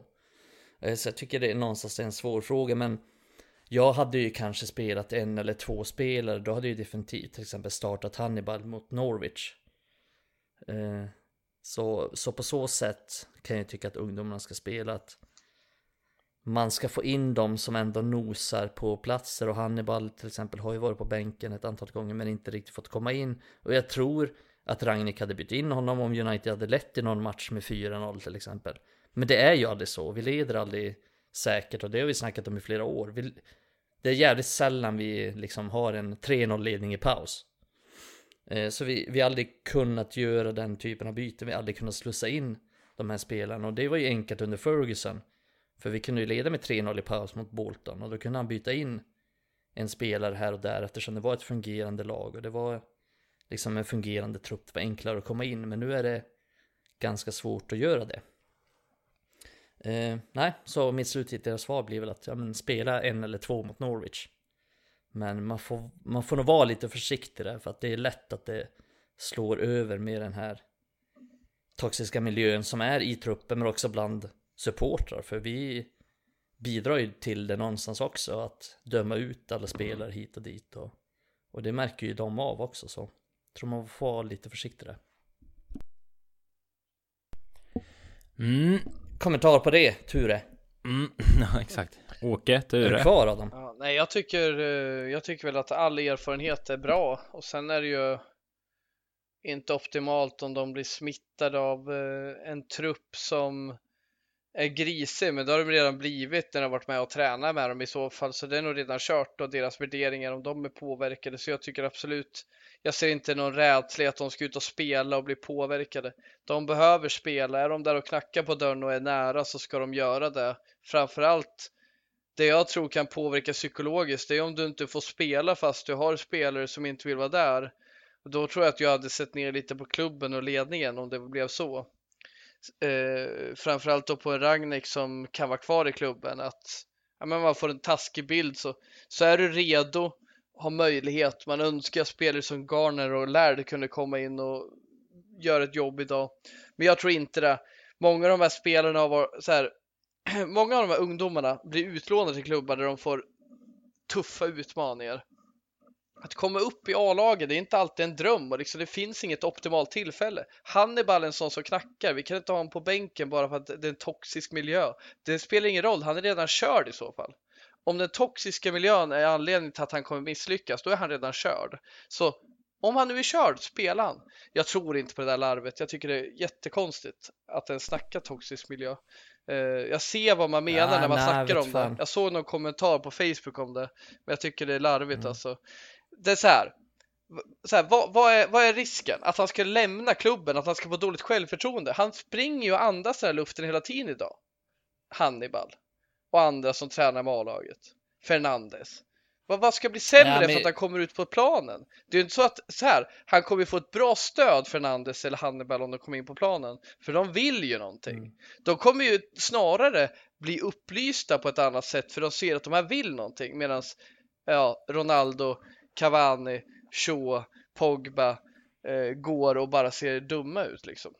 Så jag, jag ser inte riktigt. Jag, jag, jag förstår om det skulle vara så i två år. Då skulle de bryta ner de här spelarna, men det är liksom, vad är det, åtta matcher kvar eller? Ja, sju. Poängen är inte dum, men det håller inte. För mig håller inte. Det här är spelare som ska bli potentiella världsspelare. De behöver få känna på den riktiga, den hårda miljön. Jag kan ge ett exempel, eftersom att vi gillar den här podden och ger exempel över Liverpool, så är det många där som fick ta ett elände under den tiden. James Milner gick igenom en toxisk jävla miljö. Visst, han var äldre, så är det, men det finns unga spelare. Trent Alexander-Arnold, det var inte allt så att allt var fantastiskt när han kom. Tvärtom, han fick ganska mycket kritik i början. Det är fan sånt man behöver lära sig. Det är den hårda vägen. Och det är inte så att det alltid behöver vara så, men jag tror att ska du komma in i den här klubben, då behöver du fan känna på det där alltså. Och som sagt, det är åtta matcher. Det är inte 38 matcher. Ja, du, du har en poäng i det, men sen kan man ju fråga sig, är det bättre? Liksom, är det så pass värdefullt att de får spela de här två matcherna? Eller är det bättre att vänta till nästa säsong? Att kanske kunna slussa in dem då under ett mer... Vill de spela ska de spela. Vill de inte spela, då ja, ska men, de ja, inte du, in. du förstår vad jag menar så här. Är det värt det liksom kontra? Ja, jag tror det. Eh, det, det är någonting man kan fråga sig. Nej, men jag, jag, jag kan väl också tycka det. Jag är ju mer så här, liksom, är Hannibal i startelvan på lördag mot Norwich, då kommer jag vara den första som jublar liksom. Eh, så jag är inte emot det så, men visst, visst klart, det finns ju en, kan finnas någon risk med det. Är risken då att han ska bli ledsen? Och då, så här, om han nu, Ja, om, men om han nu men mot Norwich han får kritik, ner i ja det. men dras han ner i det, då är han redan neddragen. Det är redan ett problem. Men går han mot Norwich och en dålig match och blir ledsen, då kan han fuck off liksom. Om inte han Jo, klarar men han, det, då är jag inte tror han att han blir ledsen, men, men kolla. Men vad är Jag risken han då? Vad är problemet tror du? Ja men ju risken är ju att du ser ju till, till och med Cristiano Ronaldo är dålig, till och med Bruno Fernandes är dålig liksom i det här laget. Det är ju en risk där att alla liksom är dåliga när de kommer in och spelar. Och det tror jag kan påverka liksom hans spel i framtiden. Så det finns ju någonting där, alltså det finns ju, jag tror det finns en anledning också. Jag tror att Rangnick mycket väl kan tänka på det, att han tänker att ja men det, det kanske inte är värt det. Men alltså han har ju spelat i sen vet- vet Tunisien, det är ju inte exakt. så att vi tar upp en 16-åring som Nej, knappt nej, har spelat i fattar. Jag U23. fattar. Det är liksom, Men det, det håller inte. Det gör inte det, tycker jag. Nej, just Hannibal kanske är redo för det. Ja, men vi kanske inte ska ju... ta in Kobe Maino från start. Nej, det är precis. ju, men, Eller men, Alejandro men det är väl ingen liksom. som vill det. Nej, exakt. Det, det är en spelare som, han har inte spelat en landskamp med Argentina, han har varit där uppe. Nej.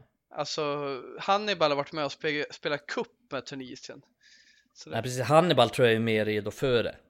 Ja. Eh, men sen tror jag, sen tror jag även att. Fernandes skulle få hoppa in en match. Jag tror det skulle gynna oss Mm. istället för att ha den där jävla sopan Telle som fan inte gör någon glad och Shaw som Ja, bara är han, är, han, är bättre, han är ju bättre än Telles. Ja, det tycker jag. Och som sagt, Eh, har de, är, de, är de lättkränkta och mår dåligt över den här situationen eller bara ser nyktert på den, att det är jävligt oroligt nu. Är de lättkränkta då är de körda i den här klubben redan innan de har spelat tror jag. För den här toxiska miljön, det är inte bara när man är på plan man känner av den. Jag tror ju mer att den känns internt än den känns eh, i supporterskaran i kritik. För vi är jävligt schyssta. Vi har börjat kritisera Maguire nu helt plötsligt, men det är ingen som liksom är riktigt, riktigt hård mot de här riktiga tröttmössorna som Shaw och nej, Pogba. Det, det är inte det är liksom ingen som Real ut dem trots eller att de kommer till eller... jobbet med, med kudden vid örat. Nej, precis. Hade det varit typ Real Madrid eller Italien eller Bayern München till och med, då hade de ju ställt krav på spelarna. Vi är ju ändå jävligt schyssta och det snackade vi om under Solskär. Liksom United kan förlora med 5-0 hemma mot Liverpool och folk kan ändå ish liksom applådera Solskär ut. Hade- hade det- at the wheel. Hade, hade det hänt i Bayern München liksom, de hade ju stormat planen. ja, så är det. Ja, nej, min åsikt i frågan är ändå att eh, nej, det måste faktiskt slussas in ungdomar här nu sista matcherna. Det är inte försvarbart och Är det, är det första gången jag är lite mer reserverad mot att få in ungdom? Ja, du vill ju förlänga ibland måste kontraktet man med roll. Mikael. Ja, ibland måste man... Micke vill behålla dem för sig själv. Ja. Ja, vill Han vill ha kvar, vill ha kvar dem i ungdomslaget så han kan bevaka Jag vill dem. inte att någon annan ska se dem och fördärva dem. Nej, precis. Ja, nej, vi, vi får se hur det blir med den saken. Hönsmamman. Det har ju ramlat ut eh, eff, ja, ganska tätt efter vi släppte vårt för, föregående avsnitt så ramlade det ut ganska mycket, eller väldigt mycket ska man säga, eh, rykten och texter kring att Erik Ten Hag närmar sig United på riktigt. Eh, Vi satt precis och planerade för att vi skulle diskutera för och nackdelar Ten Hag Pochettino här i, i podden, men det känns inte lika relevant att göra längre, för det verkar ju allt pekar mot att det blir Ten Hag. Och det är väl de flesta nöjda med. Vi är flera som har pekat mot Ten Hag. Jag vågar inte... Vi gjorde en poll så här på um, Red Army Sveriges Twitter. Just det. Jag Mm. tror att det var 88 procent. Av Alltså, det var 50 typ- 000. inte riktigt så många som röstade, men det var, det var ändå ganska många så att man kan ändå få ett bra resultat, eller trovärdigt resultat från det. Så det var ju liksom typ 500 som röstade. Och inte 20 liksom. Så att man kan ändå dra ganska stora växlar av det. Då var det typ 88% tror jag som, som var väldigt nöjda med det. Så var det en, jag tror att det var en så här, är du missnöjd med Erik Ten Hag? Så var det typ 2% Mm. som tyckte det. Ja, jag är pessimistiskt lagd och nervös och av mig. Det var du så- som hade, du, det var du som med massa olika, olika konton gick in och röstade på du. Exakt. Nej vars, men... eh, Men det är ju också, bara- Mikael, det är ju en populär eh, åsikt att tro på Ten Hag. Man hör Ten Hag och sen Ja, låter det bra. exakt. Jag, jag tycker så Han är här, hipstervalet. Ja men absolut, det Hipstervalet tycker jag faktiskt. Jag tycker att eh, jag vill ha Ten Hag. Absolut, jag vill ha en hellre än Pochettino, hellre än Enrique, hellre än alla. Jag, jag köper den, det känns jävligt spännande. Jag med. Men, Bara för att det är ett hipsterval så är det inte fel. nej, exakt. Men det är populärt att rösta på han, så det är ju så här. Du måste rösta, måste jag? Ja, ja men då vill jag Ten Hag. För det ser alla andra. Mm. Fattar du? Det är, ingen som, lite- det är ingen som står så här, jag vet inte, så jag väljer Pochettino. För det, är- det är skämmigt att rösta på han. För han har ju bara men man är haft anonym när Tottenham. man röstar, vadå skämmigt? Ja men det är det, det är populärt Ten Hag. Ja, Fan vad besvikna vi kommer bli om det inte blir Ten Hag. Och vi får gå där med Steve Bruce eller Ragnik igen Mikael. Vi får åka till Old i höst med Ragniks försök till pressspel. Steve Bruce var ju mitt förslag innan vi tog in Ragnik för fasen som interim. Jag tror det hade varit något. Men... Då ehm, hade du jag- självförtroende Emil.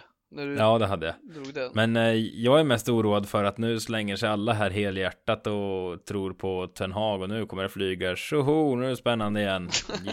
Ja, det tycker jag Och också du i vill grunden. vara lite negativ. Nej, men jag tycker också, men herregud, vi har ju sett senaste tio åren allihopa. Det, jag har slutat liksom slänga mig ut och tro och hoppas på allting. Eh, Mm. Jag, alltså, jag tror också Ten Hag, han har ju fantastiskt jobb i Ajax. Det, ingen kan säga annat och det är säkerligen en, en jättebra tränare. Jag tror verkligen det, men Alltså det är så stora problem med det här United att ingen människa på jorden kan bara komma och knäppa med fingrarna och, och, och lösa det hela. Men till det så har det dykt upp lite diskussioner nu runt om mycket på sociala medier och så vidare. Hur mycket, ja men vissa sitter i, i, i ringhörnan och tycker att Ten Hag, nu måste han få kontroll och bygga sin trupp och så höj så hå.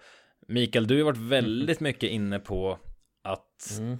Ja, nej, riktigt så ska det inte vara. Det är ju det som varit problemet i United. Att Mourinho har fått fria händer, Fanchal har fått fria händer, Solskjaer har fått fria händer. De har kunnat peka på de här gubbarna vill jag ha in och de har väl helt olika karaktär.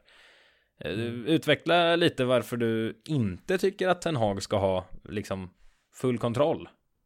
Som många precis, verkar tro och blir- tycka att han bör få för att rädda upp det här liksom. Hur ska det annars Ja, det gå om inte han får det?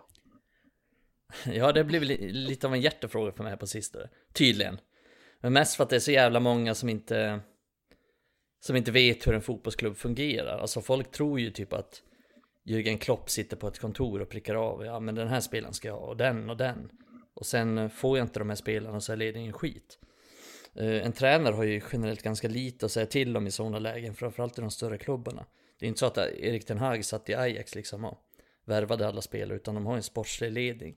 Med bland annat Mark Overmars, som var sportchef då, som, som stod för de här värvningarna. Eh, sen ska han ju såklart ha saker att säga till om, alltså. Han ska ju ha sin åsikt kring spelare och han ska vara involverad i det. Men han ska inte ges fria tyglar. Eh, hade, hade alla tränare fått fria tyglar så hade ju Jörgen Klopp stått där med Julian Brandt istället för Mohamed Salah. Och precis som du sa så är, så är United ett väldigt bra exempel på det. Med till exempel, ja men först med van Schals possession-filosofi och sen kom Mourinho och Ole med sin brunkarfotboll. Liksom ett renodlat kaos till, till trupp. Jag, jag tänker ju någonstans att eh, nej men så här, tankegången var lite så här när man tog in Mourinho till exempel att ja, men Mourinho är en bra tränare och är ledig, vi tar in honom. Det fanns ju liksom inte någon idé från United så, det fanns ju ingen riktning. Utan det är ett ganska reaktivt beslut. Eh, och Mourinho till exempel är ju, ja men han är ju antitesen till Louis van Gaal. Han bryr sig inte om bollinnehav eller att överhuvudtaget ha någon teknisk spelare eller så. Utan Mourinho vill ju ha fysik, att det ska gå snabbt och att laget ska kunna försvara. Liksom, Mourinho fick ju, han fick ju makt, han fick ju mandat att bygga sin trupp. Och det är ju bara att kolla på spelarna han köpte. Han köpte ju spelare som är fysiska och kan springa och så här. Nej men han köpte Fred som kan springa. Sen köpte han stora spelare som Zlatan och Pogba och Lukaku och Matic.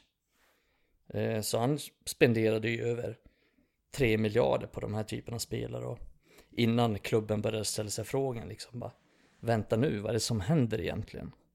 Nu har vi haft tre tränare som alla fått gå sin egen väg och sin egen vilja utan att det har blivit bättre. Eh, så klubben spenderar egentligen så här rekordsummor på spel efter spelare utan för att den skulle ja, men egentligen bli bättre överhuvudtaget, snarare sämre. Eh, så svaret är ju ganska enkelt tycker jag. Eh, att klubben inte haft någon riktning utan man har tillåtit tränare efter tränare sätta sin prägel på laget och därmed byta ut stora delar av truppen hela tiden. Och det är det som är farligt med det här att vad händer om Erik Den Hag inte är en bra tränare? Vad händer om han inte är så bra på att värva spelare? Ja, men då står vi där igen. Med att han har köpt, säg att han är i två, tre år. Ja, men då har han köpt sex, sju nya spelare. Så är de helt annorlunda jämfört med, med de andra spelarna. Så att, nej, snarare ska det finnas någon riktning i klubben, i hur klubben värvar. Och att man ska ha en sportchef som, som snarare sköter det. Om vi tar Liverpool som exempel så jag sa nyss att Jürgen Klopp ville ha Julian Brandt och det är klart att han vill ha. Han har haft honom tidigare liksom, han känner till honom. Och det är så tränare jobbar. Eh, och det känner man ju igen så nej men som tränare vill man ha det man litar på, man vill ha det man känner till. Men de har inte lika bra koll på marknaden som en sportchef har. Eller lika bra koll på hur mycket, hur många kilometer den spelaren springer eller hur många sprints den spelaren tar. Men det har ju liksom, det har ju rekryteringsteamet koll på. Och eh, så sportchefen i Liverpool, Michael Edwards, gick ju emot Klopp. Nej men, vi ska inte ha Julian Brandt, han, liksom, han är inte bra nog. Vi ska ta Mohamed Salah.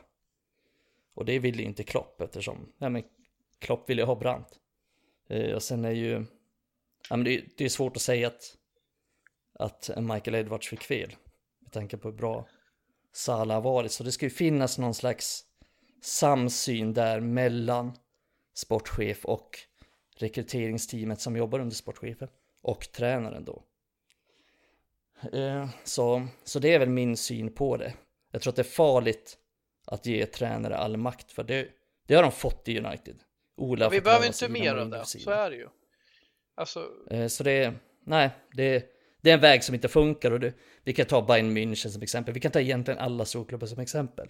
Bayern München har liksom, det spelar ingen roll om de har Juck Heineken som tränare eller om de har Hansi Flick eller Nagelsmann. De är ändå bäst. Och det är de inte för att, ja, de har bra tränare. Och oftast så får de in rätt typ av tränare, men de värvar ju spelare oavsett vem som är tränare i laget. För de kör ju liksom, de har en genomtänkt trupp och de har en genomtänkt strategi. Så att de gör ju nästan, jag vet inte om ni har tänkt på det, men de är ju klart med sina värvningar typ i maj. Redan nu så har de ju typ issued klart med två Ajax-spelare. Och det är ju, de skiter i vem de har som tränare. Utan de tar in de här spelarna för att de passar den väg de vill gå. Oavsett vem som liksom står på tränarbänken, om det är Hansi Flick eller om det är Nagelsmann. Sen tar de väl in så tränare det, därefter sen också, tänker jag. Det är ju också ja, men skillnad precis, mot United. Skulle Exakt. Ten Hag nu vara fruktansvärd eller ja, vad som helst om han får gå om, om ett år säger vi. Då måste, då kan inte United återigen plocka in, då kan man inte komma med Steve Bruce dragandes helt plötsligt. Utan då måste man ju ta någon som är åt, åt liknande håll som Ten Hags eh, fotbollsfilosofi.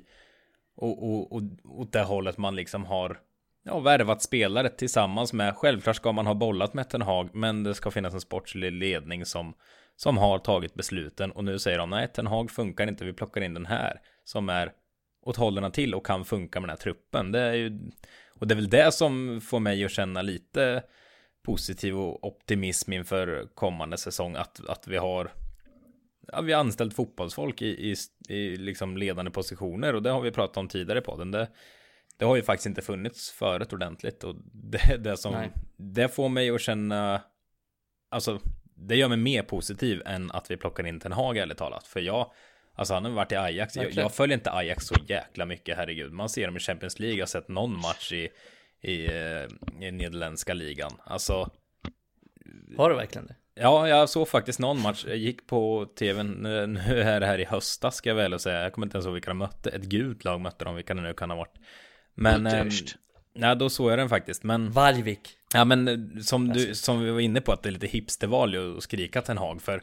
Alltså 80% av alla som skriker Ten Hag har inte ens sett honom, Nej. sett hans lag. Jo, kanske någon match, Nej. men på en match är det svårt att, att liksom bilda sig en uppfattning av vad det är Nej. för typ av tränare. Så jag vågar inte skrika tjoho, men ja, jag väljer också honom här och nu. Men, men han är ju också helt olik liksom det vi haft innan, så det kommer ja, ju ta det kommer bli en eh, process i det och, det ja. och det kan man ju kolla på City till exempel när, när Pep Guardiola lämnar om ett eller två år Då kommer inte de ta in Ja men säg, jag tror inte de kommer ta in Pochettino Utan de kommer snarare ta in typ Enrique kanske Alltså någon som är mer lik Pep som kan bygga vidare på det.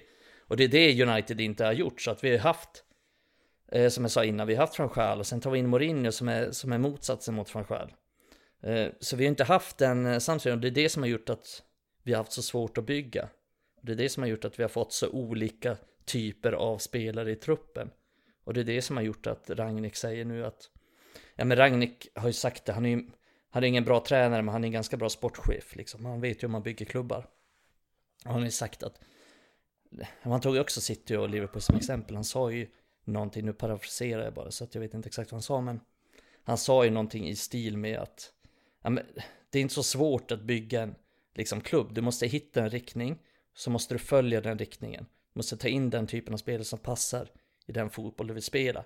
Så det viktiga inte är, det viktiga är inte liksom att ja men du ska göra si eller så, det viktiga är att bara du följer det. Du bestämmer dig för någonting och så följer du det, det går all in på det.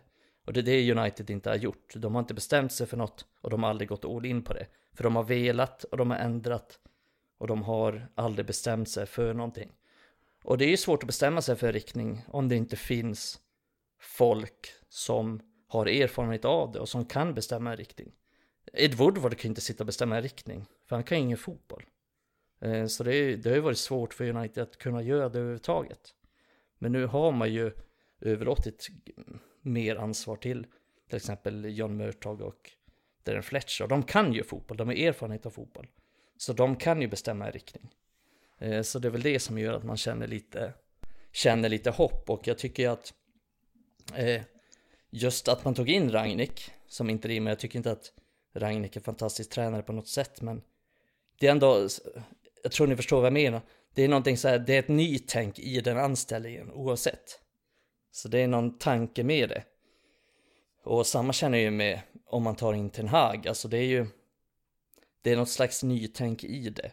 Sen eh, säger inte jag att Ten Hag blir världens bästa tränare, för det vet jag inte om han kommer bli. Jag vet inte om han kommer lyckas i United, men eh, jag tror att det är en väldigt intressant anställning. Jag tror att det är den bästa anställningen United har gjort sedan de tog in Ferguson. För jag har inte blivit, jag blev aldrig imponerad av Fanchal, aldrig av Mourinho, aldrig av Solskjaer liksom. Jag tycker inte att de tränarna har varit bland de bästa i världen när de har kommit till United. Van Gaal på tydlig nedgång. Mourinho sparkad av Chelsea. Har inte gjort något väsen av sig efteråt. Moyes såklart inte en av världens bästa tränare. Solskär en av världens sämsta tränare. Mm. Eh, Ragnik. Bra sportchef kanske. Bra tränare? Nej. Hjärtefråga var det. Eh, nej vars. Eh, spännande framtid har vi att gå till mötes i alla fall. Det kan alla vara överens om. Men eh, om vi bara ska runda av det här med vilka, alltså vilka spelare känner ni här nu då om det blir utrensning i sommar? Alltså, är det fler än på en hand man kan räkna spelarna man vill ha kvar? Adam, du, du brukar kunna sätta ner foten här. Vilka spelare har du? Vilka vill du ha? Eh, jag tror ju att eh, jag tror att eh, Fred är en nyttig spelare att ha kvar. Jag eh, skulle kunna se McTominay med som är reserv, men i alla fall Fred. Vi börjar med Fred. Eh, backlinjen är svår faktiskt. Det är ju egentligen så. Jag vill ju ha Lindelöf som är reserv och jag vill ha kvar Varann. Men Varann är svår för han är ju liksom aldrig på jobbet. Han är ju mest skadad och så. Men vi har ju haft han en säsong. Man kan ju drömma om att det blir bättre. Så jag väljer de två spelarna. Vi har ju pratat länge om att få någon slags eh, börja på att få balans i truppen. Det kommer ta tid, men det gäller ju att man börjar någonstans med lönebalansen och jag tycker att det är dags att tacka för sig för det sker faktiskt. Eh, kommer eh, det bli Ten Hag nu och, eller en annan spelare som vill eh, bli spelande lag så är inte det Gia framtiden. Det är en jättebra linjemålvakt, man har inte tillräckligt bra fötter det gör en gråhårig att se på faktiskt. Så jag vill ju satsa på Henderson och det har jag ju sagt länge. Eh, och då gäller det liksom inte att vi har de Gia på bänken, det håller ju inte.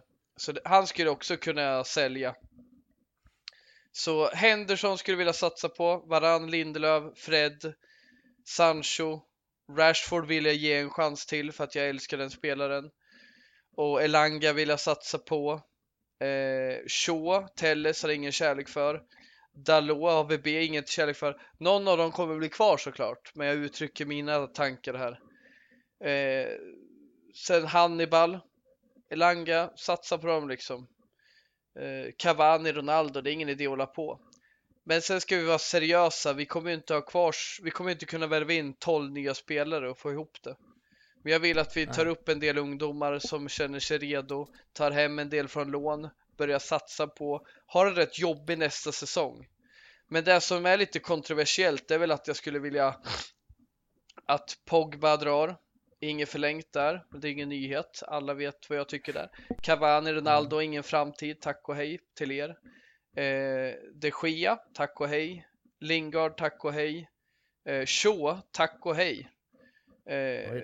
Alex Telles, tuff alltså. Vill inte ha honom i klubben, vi måste ju ha någon kvar. Eh, men Shaw, det är dags att dra liksom. Vi ska få Den nya. Alexander Butner. Luke Shaw, vi ska få pengar av dig. Ditt kontrakt går ut nästa år. Tack och hej. Så känner jag. AVB, vi kommer inte få honom såld så det är ingen idé ens försöka. Vem fan vill ha honom? Fan vad det här säger mycket när du sitter och kör så här alltså. Telles, nej vill jag inte. Men ja, vi måste ju. Bara, alltså. Vi behöver ju ha en liksom leta vänsterback, efter- men jag ser väldigt mycket man vill Fernandes känns relativt mogen ändå för att ha en reservplats i alla fall. Eh, Mm. Ja, vem men, tror eh, ni, vem tror ni, för, för jag tänker, alltså Maguire är ingen som vill ha kvar tänkte jag säga. Och om han blir kvar så, jag och ganska många med mig tycker ju att han kanske inte borde ha kaptensbindeln längre, för det känns som den tynger honom. Och det är ganska sällan att nyförvärv går in och får en eh, eh, kaptensbindel direkt. Har ni någon i nuvarande trupp som ni ser kvar nästa säsong och som ni kan se som kapten? Ja, jag tror ju De Gea kan vara kapten, men han vill ju att göra sig av med. Ja men du får ju ha kvar honom om du vill. Du tycker han är världens jag? bästa målvakt typ. Världens Nej, bästa i världen. Nej men jag, jag tycker ju så här att De Gea, eller man, man får ju någonstans börja med så här problemlösning. Om man har stora problem i anfallet, man har stora problem i mittfältet, man har stora problem med backlinjen. Om man har inte lika stora problem på målvaktsposten. Någonstans måste man ju börja. Och jag tror att hade Erik Ten Hag fått spela eh, fotboll manager, ja men då hade han kickat De Gea all världens väg. Det är jag övertygad om, så att jag är med det där av dem. Jag tror inte De Gea har en framtid i United på så sätt för att Eh, det, ja, men det är bara att se på Enrique liksom. Han tar inte ut De Gea i landslaget för att Och det är inte bara fötterna utan det är också att Han kommer ju aldrig ut. Han kan inte spela Han lämnar libero, inte sitt straffområde gärna och han är Nej, ganska och det är det de här i tränarna kräver. Det är det de här tränarna kräver Han ska spela libero. Han ska komma ut och avstyra hur många anfall som helst Som Ederson gör i sitt till exempel. Eh, Men jag tror att han någonstans inser att "Am, jag, jag kan inte kicka ut 15 spelare på en gång Så jag tror att de Gea kommer Jag tror faktiskt att de Gea kommer vara kvar och att de Gea kommer stå nästa säsong Och det är, Det jag, kan tror, jag tror om att absolut han kan göra det för han har ju en bra målvakt eh, att ersätta med. Det hade ju varit värre Ja, om men- man bara hade en junismålvakt. Man har ju en landslagsmålvakt Mm. som har bevisat sig i Premier League. Ja, men jag tror inte Henderson är bra nog. eh. Ja, där, det, där Jag har vi att- olika åsikter. Ja, men Henderson är bra. Är, Henderson är bättre på att dominera sitt straffområde om de kommer ut och sådär. Kanske lite bättre med fötterna. Eh, Det är jag med det på. Men han måste ändå kunna rädda bollar och det är fan tveksam om han är bra nog på att göra. Eh, Men skitsamma. Eh, Det är inte den viktiga frågan. Det tycker jag är ett icke-problem, den här målvaktspositionen. Det är ett icke-problem just nu. Men det är ju inte det med har så- lönen. Alltså han måste ju väcka alltså. Han är ju så Ja, jävla men det är ett senare problem. Det är ett senare problem. Han är inte ens ligans är- bästa målvakt och ändå blir han vår bästa spelare. Ett jävla Ja, men det är ett senare problem. Tur Adam. Jag håller med Micke faktiskt. Det går inte Eh. att börja i den änden alltså, fan. Nej, vi får börja någonstans med... Vi måste ha en anfallare. Mm. Vi måste ha en anfallare. Vi måste ta Någon de här- mittfältare som kan slå tre Mittfältare, passningar. vi- Ja, men anfallare då? Ska vi Definitivt, ta alltså, bort våra minst anfallare och ha noll mittfältare. anfallare liksom? Då är det ju lättare att peta målvakt. När vi har två bra målvakter. Ja, den största problemet i truppen. Vi måste byta fan. Ja men det sker man- extremt överskattad. Han har varit bra den här säsongen bara för att vi är kiss. Jag vet. Förra säsongen var en jävla pajas. Året innan det var han en ännu större pajas. Ja, men han, är- han är jättedålig med fötterna. Han Jag håller jätte- med er, han är inte vårt största problem. Det är han inte. Vårt största problem är typ Allt våra, för, vårt försvar och våra anfallare och vårt mittfält. Mm. Och det är det som Och måste... Och bänken. ytterbackarna. Ytterbackarna är ett jävligt stort problem. Men det är också... Fan, det är svårt att göra någonting åt det. Den här säsongen känner jag. För det är inte heller liksom prio. Det måste... Alltså prio är ju... Enligt rykten så är ju Uniteds prio en ny central mittfältare, en striker och en högerytter. Och det känns ju ganska rimligt. Men det är ju... Ja, man skulle vilja ha en ny mittback. Man skulle vilja ha två nya ytterbackar. Man skulle ha minst två centrala mittfältare. Åtminstone en striker, åtminstone en högerytter. Gärna en ny målvakt Jag tror också, ett bra ju- ankare och en bra målvakt som inte är fastlimmad vid linjen kommer göra att vår backlinje blir bättre. Så jag håller med om att backlinjen kan nog funka en säsong till utan att vi gör något jätteinvestering där. Jag, jag, skulle, Ja, jag jag skulle kunna leva med att vi har Shaw, Varann, Lindelöf, Maguire utan Bindern som någon slags reserv och sen Dalot eller Wan-Bissaka beroende på vad det är för matchbild. Med en målvakt som funkar som libero, som funkar i luftrummet och som kan rädda bollar, vilket Henderson gör då, och en defensiv mittfält, ett ankare. För, för det, är, det är liksom inte att vi byter ut en mittback och kör vidare med en mittfält, det funkar inte. Men att byta ut en mittfältare och köra vidare med samma backlinje, det tror jag kan funka. Mm, vi får se. Vi, Det är så sjukt jävla mycket cred de Gea får egentligen för sina räddningar, för de är ju också till stor del för att han inte agerar på allt han ska. Nu gör han ju bra på linjen, men han gör ju också en del reflexräddningar för att han inte agerar i straffområdet och att han tillåter eh, en del bollar gå över backlinjen som fan ska upp på läktaren. Men det får vi prata om en annan tillfälle. Vi vill vidare i truppen. Mm, Så är det. mm. Ska vi ha Ja, kvar inga- Cavani och Ronaldo? Nej. Herregud. Det var inga tydliga svar Ronaldo på... kommer ju dock bli kvar. Ronaldo kommer ju bli Ja, det kvar. kommer han. Han, eh, han står där med binden i september, det är min gissning. Men jag tycker det är helt åt, uppåt väggarna. Nej, men där snackar vi ju hög lön och lite prestation. Oh, tack. Ja, men den är intressant. Varför tror du det? Tror du att då vår nya tränare ska sätta binden på Ronaldo? Nej, men jag tror Jag vet inte, i- i brist på han, har, annat. han har kontrakt. Han har kontrakt liksom och vi har inga andra. Nej, men alltså Emil tror att han ska ha binden i september. Ja, det, det, var en, det var en killgissning jag drog på rak arm här. Ja, du men, lät eh, jävligt att säker när du sa det. Ja, men det måste man göra Fan, för att säger du, lura folk. Men, Säg eh, inte saker du inte tror på. Nej men i brist på annat, om Maguire strippas på binden då, då, jag ser inte riktigt vart den kommer landa. Nej, Ja, Ma- Maguire kommer ju ha en ny binden tränare som fortfarande. tar över en klubb, han kommer ju sätta den på den han litar mest på. Om Och det är är nu det då? Bruno eller fan om det är till och med McTominay. Eller Varann. Jag tror Varann men är det ju går- jättemycket närmare Ronaldo. Ja, Ja, förmodligen. men går inte att lita på någon av Ronaldo, dem jag kan inte se att heller. Ronaldo kommer, alltså Emil, jag har inget, jag har inget bra exempel på vem som ska vara lagkapten. Nej, Men att du killgissar Ronaldo, den är ju jävlar det sjukaste jag hört tror jag. Ja men fan, det är jävla ointressant vem som är lagkapten tycker jag. Ja, åh, lite, men ändå. Emils åsikt är inte ointressant. Nej, oh, det är en, allt som oftast. Ja, den är vad den är. Ja, vi får se i alla fall eh, nästa säsong. Det enda vi kan landa i är att det kommer bli spännande att följa. Sen om vi blir fullständigt nedslagna eller bara lite nedslagna, det återstår att se. Eh, lite så känner jag. Det blev ett ganska långt avsnitt det här. Den eh, personen som önskade fem timmar eh, blir kanske inte jättenöjd, för så långa är vi inte. Men eh, Vi hade kunnat vara det. ja, det kunnat vara. Men eh, nu Vi ska hade vi... lätt kunnat fylla fem timmar. Mm, Det ja. hade inte blivit tyst en sekund. Jag hade inte orkat kan jag säga. Känner mig lite seg nu. Jag är ju lite hängig. Det är bedrövligt. ja, fy fan så där vet ni. Hur Eh. länge körde vi Fyllepodden? Var det en och en halv kanske? Två? Två och en halv. Var det två och en halv? Var det? kan du ge dig fan på. Är det sant? Jag har inte, jag har inte, jag har ingen aning hur det lät alltså. Det är klart du inte gjorde. ju- Du har ju inte lyssnat. Nej, jag skulle, jag skulle, nej det har jag inte. Jag har ju inte lyssnat på något avsnitt. Tror Jag skulle hellre bli ingen. Jag skulle hellre bli skjuten än lyssna på Jag hittade två, Två timmar och 16 2.16 minuter. var det. Japp. Fy helvete. Det är Ja. ändå ganska många som lyssnar. Mm. Mm. Ja, ja, Vårt första avsnitt det var ju typ 20 timmar. Vi typ glömde stänga av. Vi ser. Ja. Premiäravsnittet, 2 timmar och 17 minuter. Var det det? Ja. Mm. Vi bara pratade om typ fyra år gamla matcher. Då var ni inte blygsamma. Gillar att prata.